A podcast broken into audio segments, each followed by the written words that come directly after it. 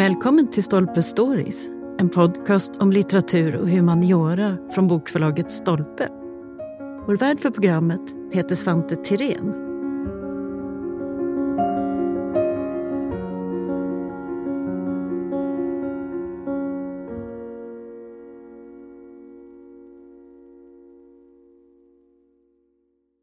Idag tänker nog många på det här med folktro som en kvarleva från gammal skrock och vidskepelse. Men samtidigt så är ju också vår egen tid full av myter och föreställningar. Så hur avförtrollad är vår moderna verklighet egentligen? Joel Halldorf han är kyrkohistoriker och docent vid Enskilda högskolan i Stockholm. Han är också en av medförfattarna till boken En besjälad värld. Han är här idag för att berätta mer om konflikten mellan tro och vetande och hur vi kan förhålla oss till det här med folktro. Varmt välkommen hit Joel! Stort tack! Du är ju själv då kyrkohistoriker, så vad är din relation till det här begreppet folktro egentligen? Ja, men folktron är ju en levande del av historien och ibland har den liksom legat i konflikt med kyrkan och kyrkan har, har varit motståndare mot vissa folkliga föreställningar. Men väldigt ofta har det också inkorporerats in i det kyrkliga livet och man har liksom förenat eh, de kyrkliga praktikerna, kyrkliga ordningarna och folktron på ett väldigt levande sätt. Selma, Selma Lagerlöf skildrar ju ofta det här i mm. Sitt eh, fina författarskap till exempel. Just det, så att begreppet folktro är ju inte helt väsensskilt om man säger från kyrkans lärare, utan de här samlever ju på olika sätt. Ja, precis. Alltså kyrkan har nästan som en missionsstrategi när man sprids i Norden och så, att plocka upp eh, folkliga föreställningar, inte minst folkliga fester och sådana saker som ofta är lokala och beror på hur faunan och floran och året funkar till den plats man kommer och inkorporera den. Och det ses ju ibland som någon slags religiös appropriering, för att tala med ett modernt politiskt språk, av det folkliga. Men det är ett sätt för kyrkan att erkänna att man existerar på en viss plats och att man måste vara liksom känslig mot den platsen och de traditioner som har funnits tidigare. Så jul kan man tala om. Vi har i Sverige midsommarfirandet mm. till exempel, som ju både är en gammal liksom, fruktbarhetsfest och Johannes döparens födelsedag. Så att det finns finns ett starkt både och i det. Inget eh, trosystem kan dundra in utan att behöva anpassa sig lite till det som finns där innan. Ja, men så är det och så är det också när vi kommer fram till vår tid och vetenskaplifieringen och sekulariseringen och moderniseringen av världen. Att det fortsätter ju en del folkliga föreställningar och bruk att leva kvar. Mm. När Sverige kristnas, mm. Finns det några exempel på hur då det som de tycker är folktro här på plats på något sätt jämkas eller förs in i, i kyrkans läror för att vinna mark? Hur, hur gör man?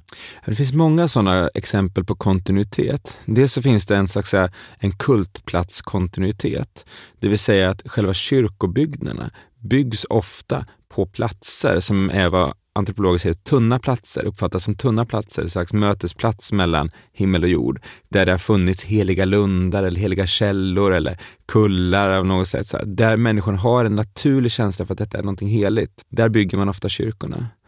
Och det finns ett påvebrev från 500-talet där påve Gregorius säger att, eh, instruerar missionärerna och prästerna att bygga kyrkorna på de här platserna dit folk naturligt söker sig för kulten. Så platsen är en naturlig länk mellan gammal och ny tro då? Ja men precis så. Ja. Och så finns det också många ritualer, till exempel så finns det en vanlig ritual, asa-ritual, att man går med en gudabild runt fältet för fruktbarhetens skull. Då. Eh, Frej, eller fruktbarhetsgudinnan, inför sådden. Eh, och på samma sätt så låter instifta kyrkan detta att du går med en Mariabild eller något helgon runt åken för fruktbarheten. Så plockar du upp den här föreställningen med kristnaden då på ett sätt som, ja, eh, som sagt, det kan låta som appropriering, men det också, finns också någonting eh, väldigt liksom kulturkänsligt i det här sättet. Mm, en inlevelse egentligen. Ja, precis. Och en, en, insikt om att det här är någonting som folk behöver en ritual för. Nu ska människor så och om det här går dåligt så står svälten för dörren. Ja. Eh, det måste liksom ramas in.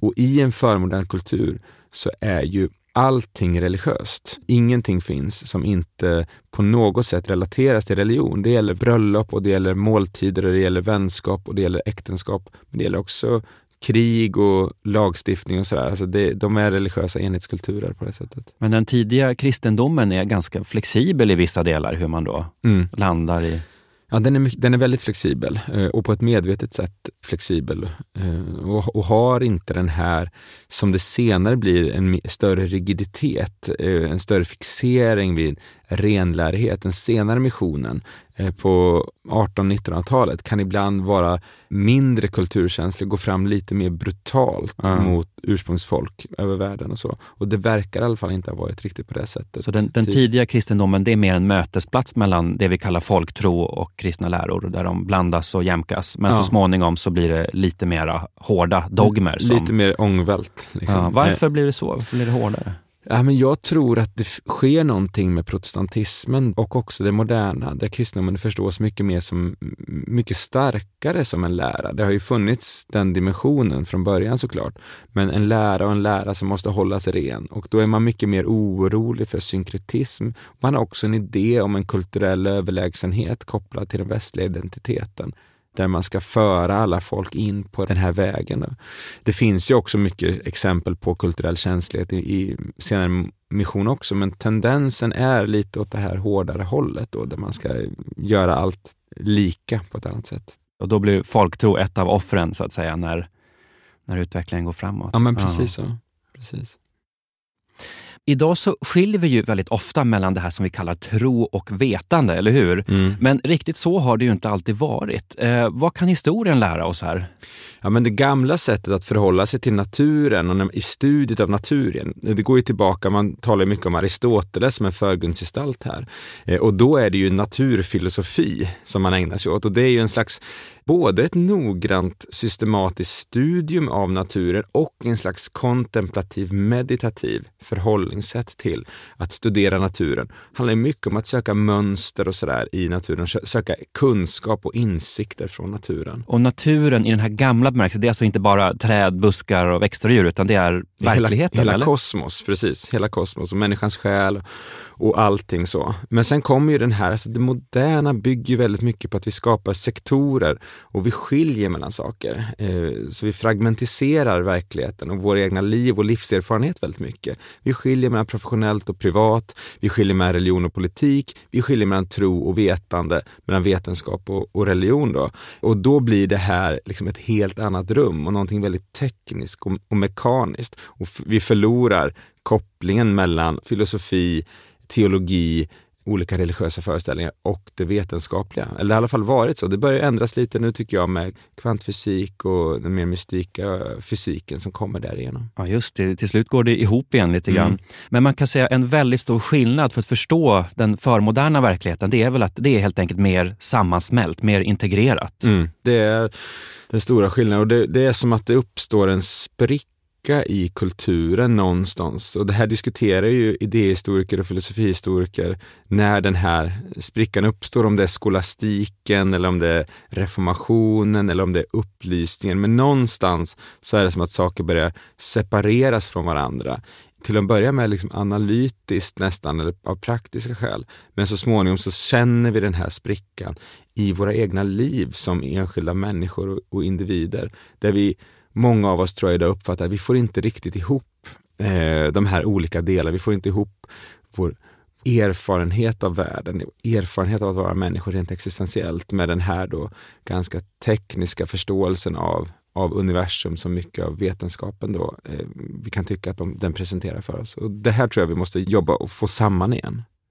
Kan man till och med dra det så långt som att säga att splittring, det är en förutsättning för modernitet? Är det så? Jag tror precis så att, att det är så att det här liksom compartmentalization, uppdelningen av tillvaron, är en förutsättning. För det skapar så mycket effektivitet att varje sektor ska följa sin egen logik. Och det här blir också en förutsättning för väldigt mycket goda saker. Det moderna livet är fullt av bekvämligheter, materiella framsteg, sjukvård, politiska framsteg och sådana saker som, är, som ingen av oss vill vara utan. Det är inte det det är fråga om. Men alltid när vi reflekterar över våran tid så måste vi också fundera på vad är svagheterna mm. i dem och vad, vad, vad beror det här skavet, existentiella skavet, som många av oss som är moderna människor tror jag erfar. Och då tror jag att den här splittringen, att vi lever liksom i världar som vi inte riktigt får ihop eh, och att vi saknar språk och samtal kring vissa typer av erfarenheter som har marginaliserats i det moderna. För det är ju svårare de samtalen när sakerna är separata och lite på avstånd. Ja men precis. Och om man tar den här fundamentala uppdelningen med religion och politik, eller som motsvarar en uppdelning mellan det offentliga och det privata,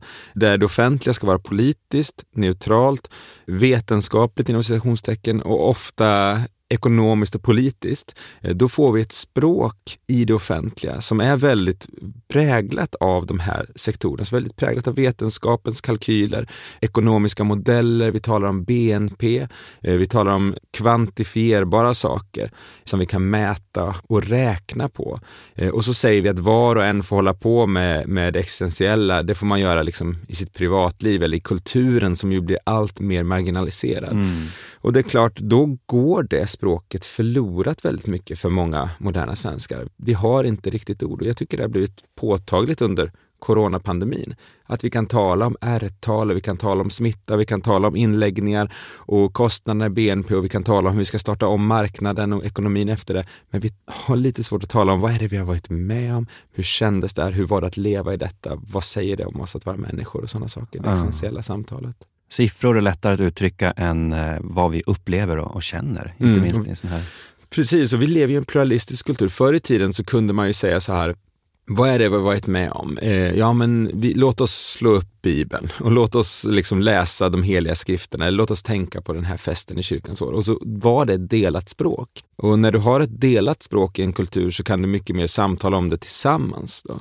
Idag lever vi i ett pluralistiskt samhälle där vissa är kristna, andra är judar, muslimer, många är ateister, eller har helt andra, mer personliga trosystem och det finns liksom folkliga föreställningar, så vi delar inte det existentiella språket.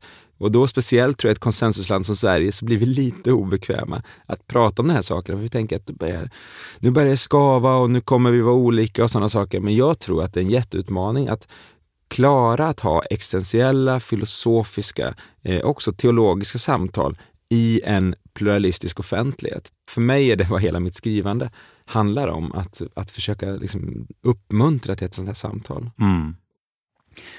I din text så har du med flera spännande citat från olika historiska röster. En av dem är ju Origenes, teolog och ja, en av kyrkofäderna. va? Mm, precis, så brukar han kallas. Och eh, han säger så här. Du måste förstå att du är en andra värld, ett litet universum. Att det finns sol och måne i dig, ja också stjärnor. Om det inte vore så, så skulle Herren inte ha sagt till sina lärjungar, ni är världens ljus. Och det här är alltså från Matteus evangeliet. Va? Mm. Kan du berätta lite, vad, vad, är det som ligger i det här budskapet? Ja, det här är en fantastisk vision av, av människan. Ibland så säger vi ju att i vår tid så talar vi om människans värde och värdighet och det är någonting nytt och som det moderna har gett oss. Men, men här ser man verkligen hos Origenes den här bilden av, man brukar säga, människan som ett mikrokosmos som återspeglar det stora makrokosmoset där ute. Och här finns det en slags en själarnas likhet mellan det stora universumet och det som är människans inre själ. Och det som Dag Hammarskjöld sa, det är därför så den längsta resan är resan inåt.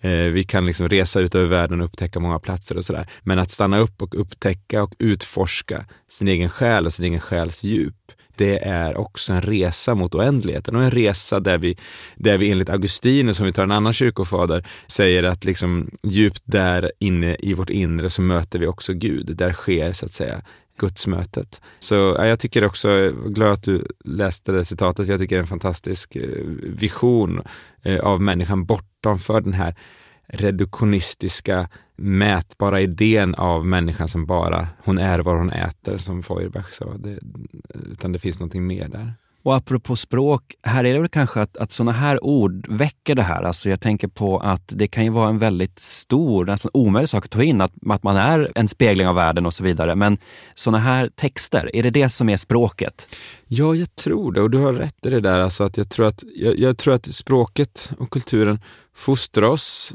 Vi är så otroligt böjliga som människor och vi kan fostras och vår blick kan formas på olika sätt så att vi börjar se på vår omgivning på vår värld på olika sätt och vi börjar titta på naturen som naturresurser och vi börjar titta på människor som statistik och sådana saker. Mm. Och då blir det väldigt platt. Och då behöver vi slå vakt om poesin, filosofin och religionen som för att bevara vår, vår respekt och, och vår känsla för att det finns valv bakom valv, som Tranströmer säger.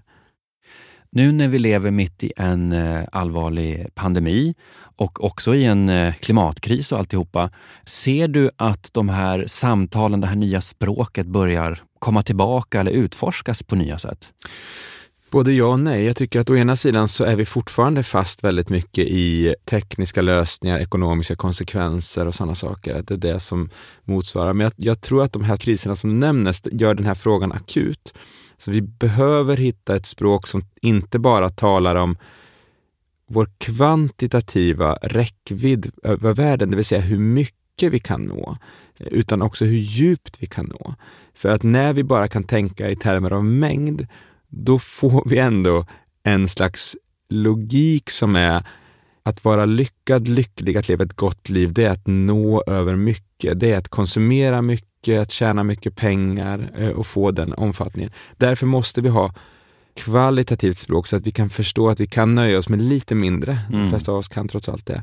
Eh, men att vi i detta kan nå djupare genom närvaro, genom att uppskatta, genom att rikta vår blick. Det finns en tysk sociolog som heter Hartmut Rosa som talar om begreppet resonans mm. för att fånga just den här kvalitativa relationen till tillvaron som ja, en resonanserfarenhet, en dialogisk, att upptäcka världen som en, ett anrop till oss, eh, som ofta faktiskt kräver begränsning. Mm. För om vi sträcker oss efter mycket, då har vi väldigt svårt att vara närvarande i nuet på det som, sätt som krävs för att erfara just resonans. Så kriser och trauman, det är också en möjlighet för att hitta tillbaka till något? Men det skulle kunna vara om vi tar vara på det på, på det sättet. Eh, och, och om vi klarar av att begränsa oss, då vet vi också, då kan vi också ha mycket större chans att mota till exempel klimatkaoset som verkar stå för dörren, som ju drivet mycket av konsumtion och det här kvantitativa förhållandet till världen. Så jag tror att andligheten är, är jätteviktig av politiska skäl. Mm. Men om man tänker då vår egen tid, hur avförtrollad eller inte är den då? Just med tanke på det här med språket till exempel. Är just det den största eh, indikatorn på att vår tid är avmystifierad? Mm. Jag tror att det där, det finns alltid både och när man närmar sig de här sakerna. Å ena sidan har vi, om man säger ett, en stark mainstream i offentligheten, där vi bara kan tala om BNP och det mätbara och Eh, liksom en slags ingenjörsattityd där. Och det är där makten och det där resurserna finns. Eh, men sen så finns det, tycker jag, alltså när man spanar och lägger örat mot och lyssnar lite närmare, så finns det ju många olika trender och uttryck för ett sökande efter tillvarons liksom, mystik eh, och det förtrollade. Eh, jag lyssnar mycket på en podcast, Alex och Sigges podcast, eh, som många andra. Och där tycker jag att både Alex och Sigge Eklund ofta kommer tillbaka till en slags vardagsmystika erfarenheter av stark närvaro, stark beröring och så som förmedlas via möten eller via kultur och sådana saker. Och den typen av trender, man kan också tänka på mindfulness och många sådana här saker, där människor på något sätt söker det existentiella. Ofta kommer idag en del av ett hälsopaket, eh, välmåendepaket, då, eh, men ibland så finns det även att man gräver lite djupare. Men om man tänker så här då, för det är väl som du säger att vi har ju fenomen som det här nyandlighet, eh, yoga, meditation, religiös extremism och allt möjligt. Mm. Men, men kan man säga ändå att det stora samtalet, det är där som det saknas? Den. Ja, precis. Och även det, de, de exemplen som speciellt så kommer de klassiska traditionerna inte fram och inte in på det sättet. För att en tradition som den kristna traditionen, jag menar inte en tradition som julfirande, utan då menar jag liksom den judiska traditionen, den kristna, den muslimska traditionen och sådär. Det är ju, om man tar en sak som yoga, eh, så tar du ut en religiös praktik ur sitt sammanhang, placerar den i, ofta eh, i ett slags välmående så det blir en tjänst som du kan konsumera och du delar upp den från en tradition. Så du lär dig andas och du lär dig vissa rörelsemönster och sådana saker. Men du har inte kontakt med det som i den buddhistiska traditionen ger yogan sin plats och sin mening och så som har att göra med föreställningen om livet, vad som är ett gott liv, etik, hur tillvaron hänger ihop och sådana saker. Du skiljer ut det här. Mm. Och det här är tycker jag, ett problem i en sekulariserad tid, att även de religiösa traditionerna delas upp och eh, man tar tårtbitar här och var. Alltså, så här, individen är ju såklart fri att göra som den vill och det är mycket bättre än ingenting. Men det finns mycket mer att göra om man gör jobbet att verkligen jobba sig in i en tradition och få den helhetsförståelse av livet som en religiös tradition ger, som den, kristna traditionen kan ge till exempel, för, som jag är själv en del av. Men det är det här med att just när andligheten dyker upp så ska det vara just i små öar. Den får inte ta över för mycket utan den ska vara just Lite mm. fragmentariserad som vi sa förut. Precis, och det ja. är ju, det, den är ju perfekt anpassad till en slags medelklasskonsumtion. Och det, det här tycker jag är ett fenomen som blir allt starkare, inte minst i Stockholm där vi sitter idag. Alltså att eh, du skapar en andlighet som är väldigt mycket tårtbitar och som medelklassen, du kan konsumera de här bitarna om det är ett, ett medium du har kontakt med eller om det är någon kristallbehandling eller om det är något annat. Alltså du får de här små bitarna som du sätter ihop då. Och jag kallar det här för en slags eh, nyhedendom eh, som är liksom nischad mot en konsumerande klass. Eh, till skillnad från att verkligen inkorporeras i en tradition där du ger upp vissa valmöjligheter och accepterar, du får acceptera eh, att traditionen har den ordning som den har. Och sen får du försöka lära dig att förstå logiken bakom det och det är en mycket längre resa, ett hårdare arbete. Vi lever i fragmentens tidevarv. Mm. Om man återgår till det här då med folktro, gamla mm. myter och föreställningar. Är det kanske ibland en lättare väg in till de här stora samtalen än kristna system, bibliska läror, stora filosofer? Alltså, är tomten en bra mm. väg in i det här? Ja, men kanske är det så. Jag har själv inte tänkt så mycket på folktrons liksom förekomst i vår tid. Men det är klart att de här idéerna och föreställningarna tror jag alltid uttrycker en slags grundläggande känsla hos de flesta människor. Att det finns något mer i tillvaron, att tillvaron i någon mening faktiskt är förtrollad. Och att det är, vad ska säga, barnets grundförståelse av verkligheten är att verkligheten är en magisk plats. Eh, och vi vuxna kan ibland liksom socialiseras bort och fostras bort ifrån den förståelsen. Men jag tror att liksom det ligger i, i, nästan i människans natur att förstå det så. Och folktroföreställningar är ett uttryck för det. Jag ser ju inte till exempel, som teolog, då, kristen teolog, så ser inte jag folkliga föreställningar som ligger bakom pyramiderna och Stonehenge och, och olika sådana saker som felaktiga eller helt missriktade eller sådana saker, utan som ett uttryck för människans naturliga sökande efter det oändliga mm, tillvaron. Ett ständigt tolkande av tillvaron. Ja, men exakt så. Och där ingår det här samspelet med stjärnhimlen, med astrologin, men också idéer om liksom älvor och tomtar och troll och sådana saker. Alltså det ingår i den här erfarenheten av att det finns någonting mer i eh, naturen och tillvaron än det som är för ögat uppenbart. Då. Och jag har vänner som har levt med, med urfolk i Amazonas och sådana saker och detta det är ju så självklart för dem. Och alla i byn har ju upprepade erfarenheter av att möta olika gränsgestalter. Om det är döda förfäder eller om det är magiska djur eller om det är totem. Så här, det, det, är nästan någonting vardagligt i många sådana här sammanhang. Eh, och det är klart, det låter ju väldigt främmande för oss med en annan med en annan världsbild och en annan syn och en annan sensibilitet för de här sakerna. Men det är dags att vi kanske uppvärderar folktron lite grann som ett utforskande av vår verklighet, inte bara en antikvitet så att säga. Ja, jag tror det. Jag tror att det finns någonting i detta som man kan närma sig och kanske att det har blivit en, vi har fått en så väldigt man brukar ju tala om, och, och David Thurfjell som har skrivit boken Granskogsfolk eh, och som även medverkar i, i antologin En besjälad värld, har ju talat mycket om naturen och svenskens förhållande till naturen. Där vi kanske inte går ut för att se tomtar och troll då, men vi, man säger ju väldigt många av de personerna i intervjuer talar ju om att här finns det något mer, här finns det något större, här finns det någonting laddat och någonting som ger mening och frid och harmoni och så. En slags andlig erfarenhet måste man ändå säga, eller djup existentiell erfarenhet. Mm, det här med att knyta an. Kan du själv komma på något exempel på just folktro eller liknande som, som du har berörts av?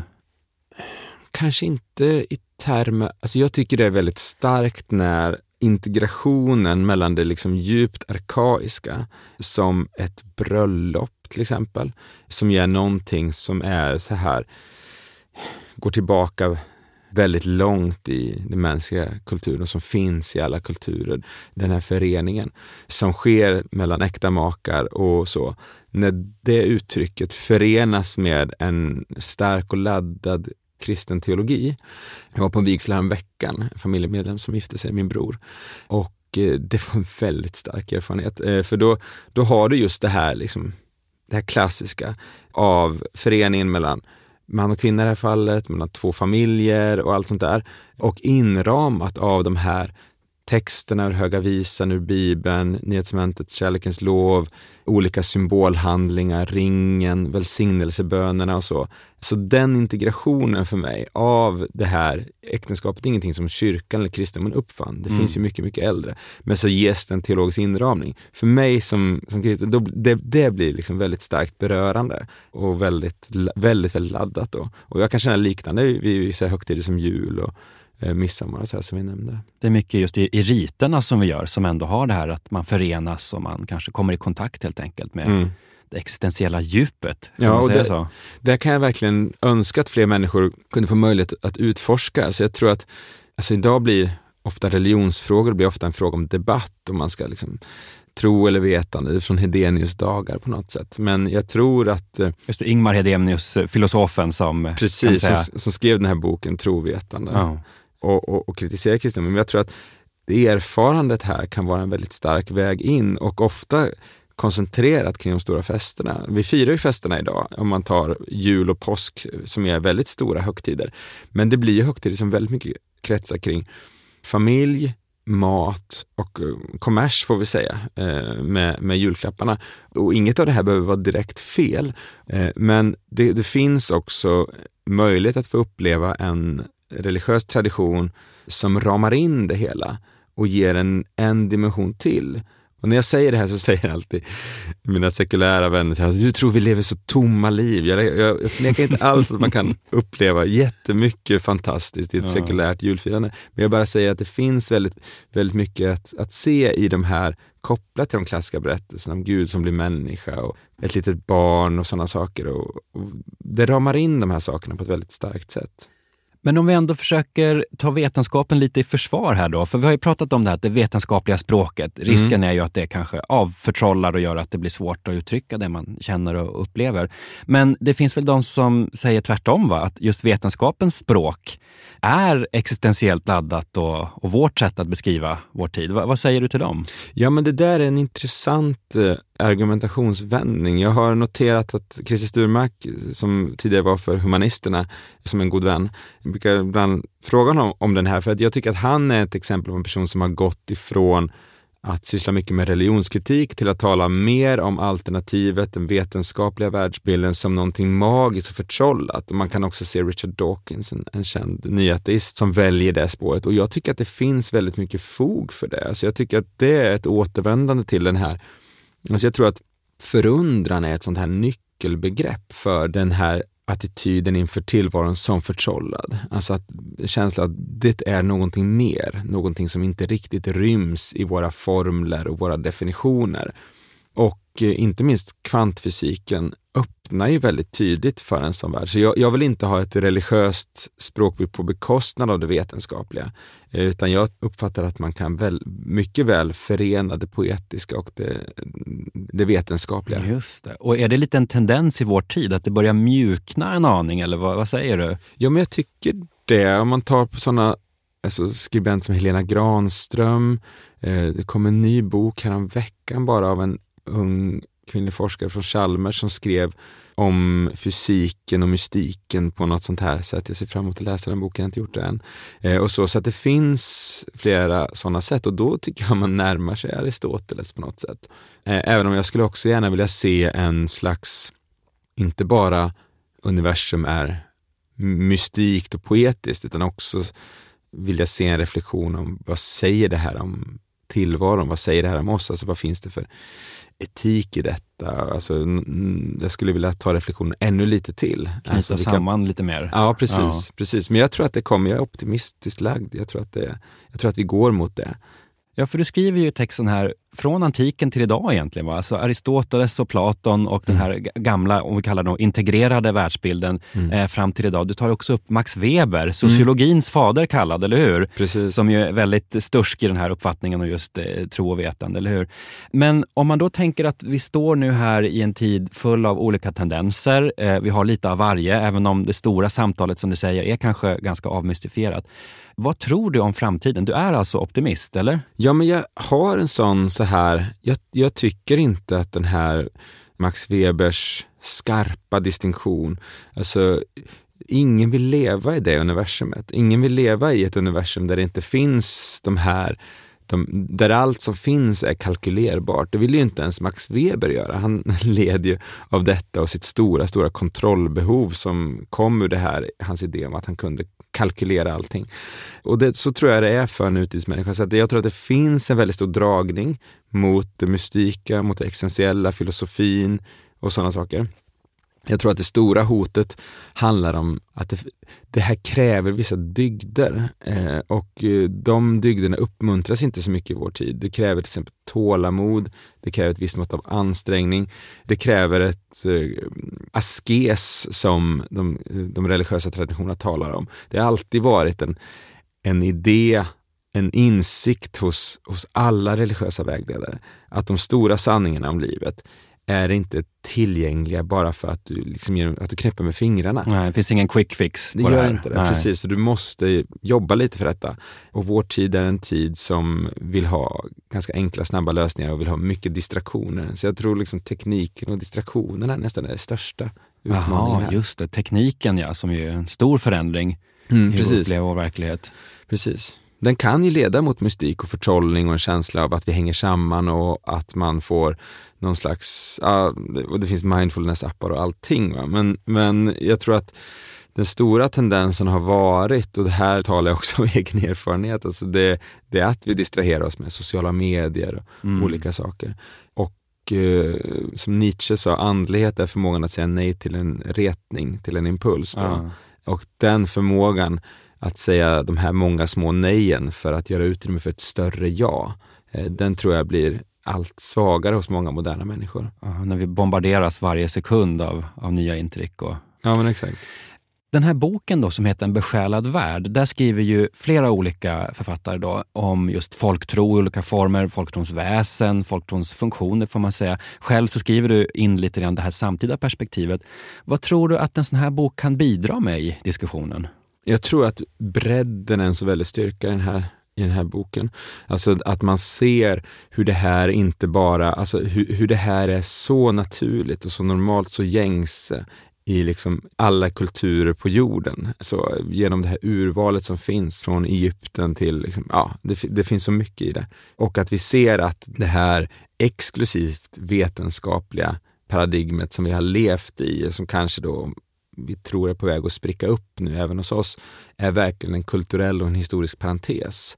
Och den här idén om att vi kan kontrollera och kalkylera allting. Och att det, det naturliga för oss är att faktiskt följa de här impulserna mot fördjupning, mot något mer som jag tror att vi alla kan på något sätt känna igen oss i. Så det finns hopp för att världen ska bli mer besjälad igen kanske? Jag tror det. Ja, vi får väl se. Tusen tack för att du kom hit Joel. Stort tack.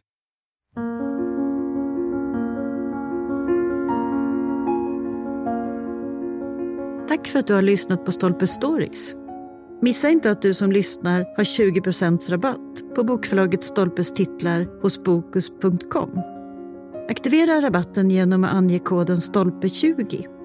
Och för att lyssna på fler avsnitt, följ oss där poddar finns och på sociala medier.